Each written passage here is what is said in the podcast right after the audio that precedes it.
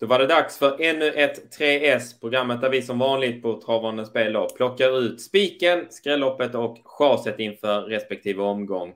Idag är det V86 som gäller, det är jackpot som väntar och eh, jag vet inte riktigt vad det var ATG landar i. De brukar vara pricksäkra i sina bedömningar, men 14 miljoner ska det ligga eh, till en ensam vinnare. Erik Törnros är med mig här för att eh, hjälpa er tittare och lyssnare på traven här. Erik, hur är läget? Ja, men eh, det är som du säger, man är alltid taggad när det är jackpot, framförallt på V86. Eh, det kan räcka nästan med en, en smäll så, så ger det bra betalt och extra idag när det är en jackpot. Så nej, vi, vi är taggade. Precis, precis. Och vi hoppas såklart att vi kan vara med och bidra till att ni sätter åttan här. Eh, men vi kör igång direkt. Här kommer dagens rubriker.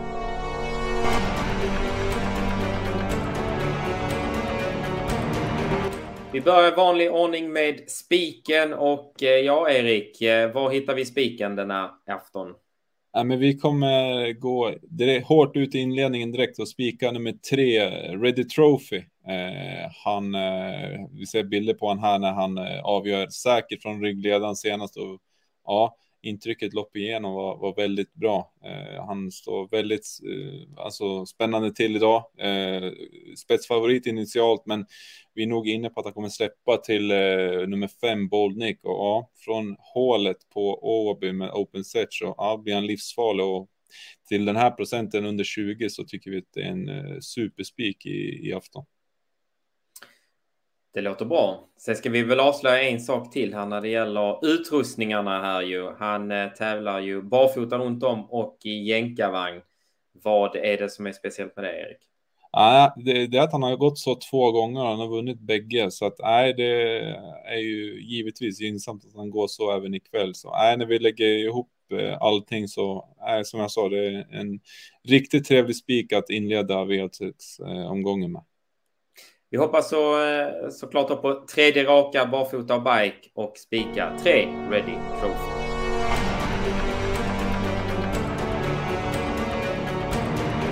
Vi var inne på det i inledningen. Det behövs ju en skräll, smäll eller vad man vill kalla det för att få upp värdet på, eh, på V86. Vart kan den här tänkta smällen komma, Erik?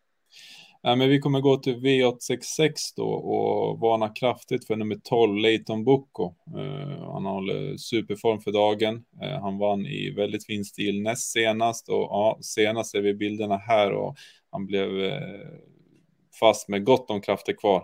Utgångsläget är ju lite sådär, men han tål distansen, just den längre distansen bjuder in honom och ja, till 2-3 procent så känns han hyperintressant ikväll. Favoriten, har något att säga om den? Rendezvous är favorit när vi spelar in det här, 33 procent grundkapabel häst, men ja, inte, inte helt pålitlig. Eh, vi, eh, vi har faktiskt inte honom eh, högst stegchans i loppet, utan det har vi nummer sju, Summeras, som vi också tycker är klart intressant och faktiskt väldigt bortglömd till under 10 procent. Så nej, de två sticker ut eh, värdemässigt i, i, i det här loppet. Spännande. Det känns som att det kan hända lite då i V866 helt enkelt. Um, då går vi vidare till sista rubriken och det är ju i vanlig ordning basen.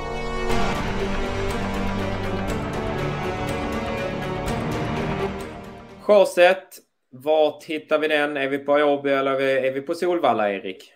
Eh, här kommer vi till Solvall och det är i V864, nummer två, Ironhide Sisu, eh, som vi tycker är eh, för mycket betrodd. Han kommer förvisso för, från seger, men han har varit struken efteråt, låga rapporter från tränaren och ja, vi förstår inte alls varför han ska vara lika mycket betrodd som eh, nummer fyra, With Wings i det här loppet som, som vi ser här, satt fast med gott om krafter kvar senast i derbystoet. Så nej, på tok för hög procent på nummer två, Ironhide Seas. Örjan Kihlström, det vågar vi alltså. Mm, ja, man ska inte chasa Örjan allt för mycket, men det här känns helt klart befogat. Så nej, chas på nummer två, Ironhide Seas.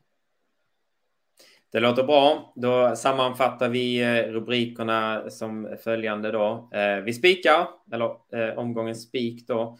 Kommer direkt i inledningen V86 1, häst nummer 3, Ready Trophy.